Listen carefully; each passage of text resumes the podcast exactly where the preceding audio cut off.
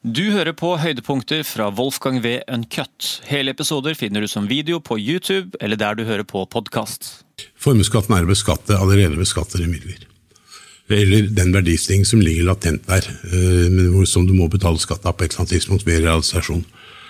Eh, For meg så er det Jeg velger å se på formuesskatten som et konkurransehindrende eh, en konkurransehindrende skatt. Vi er et av veldig få land i hele verden som har det. Vi skal ha 1,1 formuesskatt i inneværende år, og det, de har jo varslet at den skal ytterligere opp. Det betyr, med en marginalskatt på rundt 50% så må du tjene 2,2 prosentpoeng på pengene dine. eh, Bare for å, vedlikeholde, kan du si eh, vedlike, for, Bare for å betjene formuesskatten. Og så har du da galopperende nå hatt, hatt 2-3% inflasjon, nå er den vel 5-6. Da må du plutselig opp i 10 Men, eh, for å opprettholde kjøpekraften din eh, før skatt. Og dette eh, henger ikke på greip. Drar du til Europa, som er våre konkurrenter, ja, så har de ikke noen formuesskatt.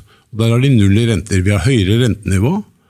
Og du må se på formuesskatten som en kapitalkostnad. Og Som en konsekvens av det, så er det jo slik at utlendingene kjøper norsk eiendom. Utlendingene kjøper norske virksomheter. Og hvorfor gjør de det? Det er jo så enkelt at de betaler ikke norsk formuesskatt.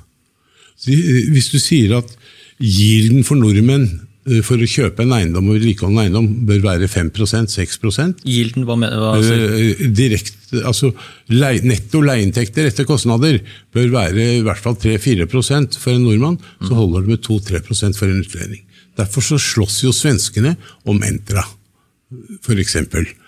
Derfor eies veldig masse norske eiendommer fra utlandet. Så kan man diskutere om det er nordmenn som står bak eller ikke. Det er mindre interessant. Eller om det er oligarker, eller hva de skal undersøke hvem det er. Det problemet er at vi i Norge handikappes uh, hver gang det skal foretas en investering. Neste konsekvensen nå, det er jo at uh, og jeg kjenner mange av dem, arvinger som vurderer å flytte ut, folk som skal starte virksomheter, flytter til Irland. Billigere arbeidskraft, ingen formuesskatt, billigere gevinstskatning. Og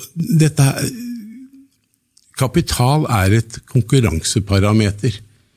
Norge har definert at vi skal ikke bruke oljeformen vår på å investere i Norge, vi skal derimot bruke den på å investere i alle andre land.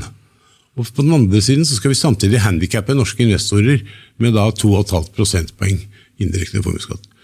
Jeg har sagt at jeg ønsker formuesskatten dit pepperen gror, Det var ikke noe problem med at den erstattes med eiendomsskatt og eh, eventuelt høyere realisasjonsskatt eller inntektsskatt. Fordi det, ingen har noen problemer med å dele av eh, et overskudd. De færreste har i hvert fall det. Men de fleste har store problemer med å betale skatt på f.eks. inflaterte verdier. Eh, Ta noe som er velkjent i media. da. Jan Haudemann Andersen hadde vel kanskje en formue for tre måneder siden som han skal betale formuesskatt av på vet ikke, 6-7 milliarder kroner. Eh, På 1,1 så er det 80 millioner i skatt for fjoråret i formuesskatt. De verdiene er nå 2-3 milliarder. Da er det plutselig 4 av hans verdier. Når en skatteregning kommer, så må man kanskje selge noen. Jeg tror ikke det gjelder han, men generelt så er det problemet. Du kan aldri prisgi hvor eh, folk setter verdier på et børsnotert selskap.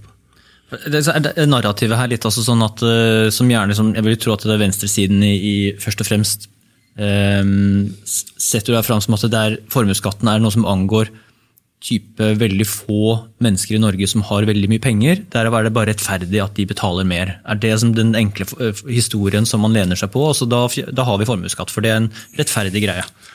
Det er nok det som har vært historisk, at de ønsker at de rike skal bidra mer. Og så er det nok også slik at da dette ble innført tilbake av Arbeiderpartiet og Høyre, det var et stort skatteforlik for mange mange år siden, så var det folk som skjønte en viss, eh, skjønte annet at nå tar jeg ut masse utbytte av virksomheten min, og så låner jeg pengene tilbake til virksomheten, slik at det ikke påvirker likviditeten.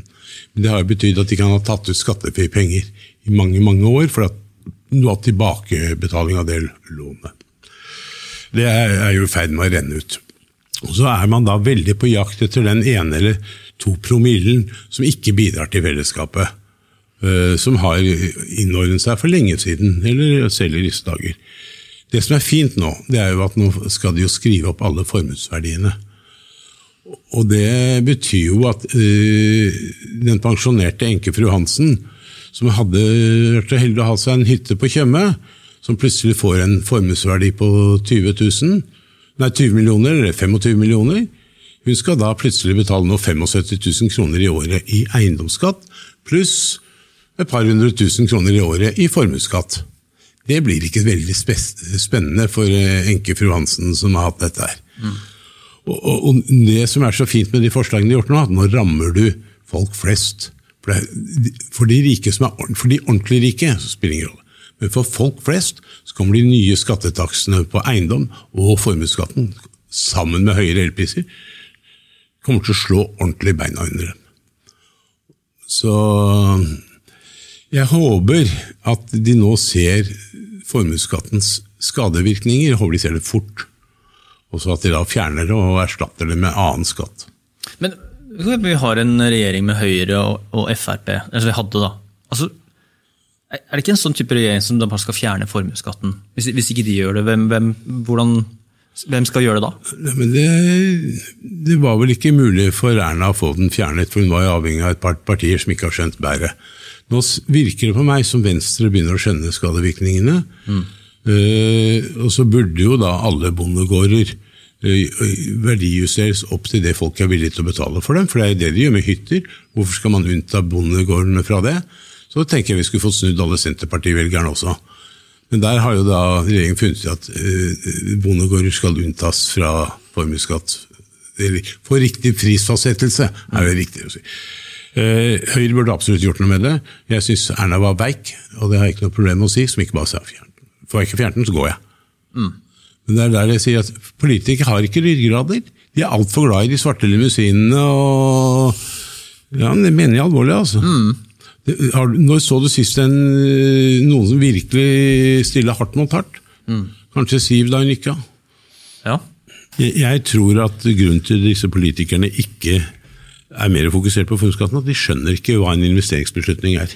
Mm -hmm. de har aldri investert en krone, og, og er i grunnen helt uinteressert. Nå skal jo da eh, Jonas få smake denne formuesskatten, da.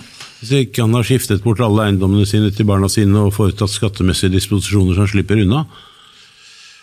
Og det syns jeg bare er hyggelig, fordi at uh, han tjener vel 1,8 som statsminister. Og så vidt jeg har sett i avisen, så har han en formue på 120-130 millioner. Mm. Ja, som står i banken, stort sett, og pluss noen eiendommer som man skal betale eiendomsskatt av. Så han går nok en million eller to i underskudd i året før han begynner å spise. Og det tror jeg Kanskje han begynner å skjønne hvor skadelig dette er. Mm.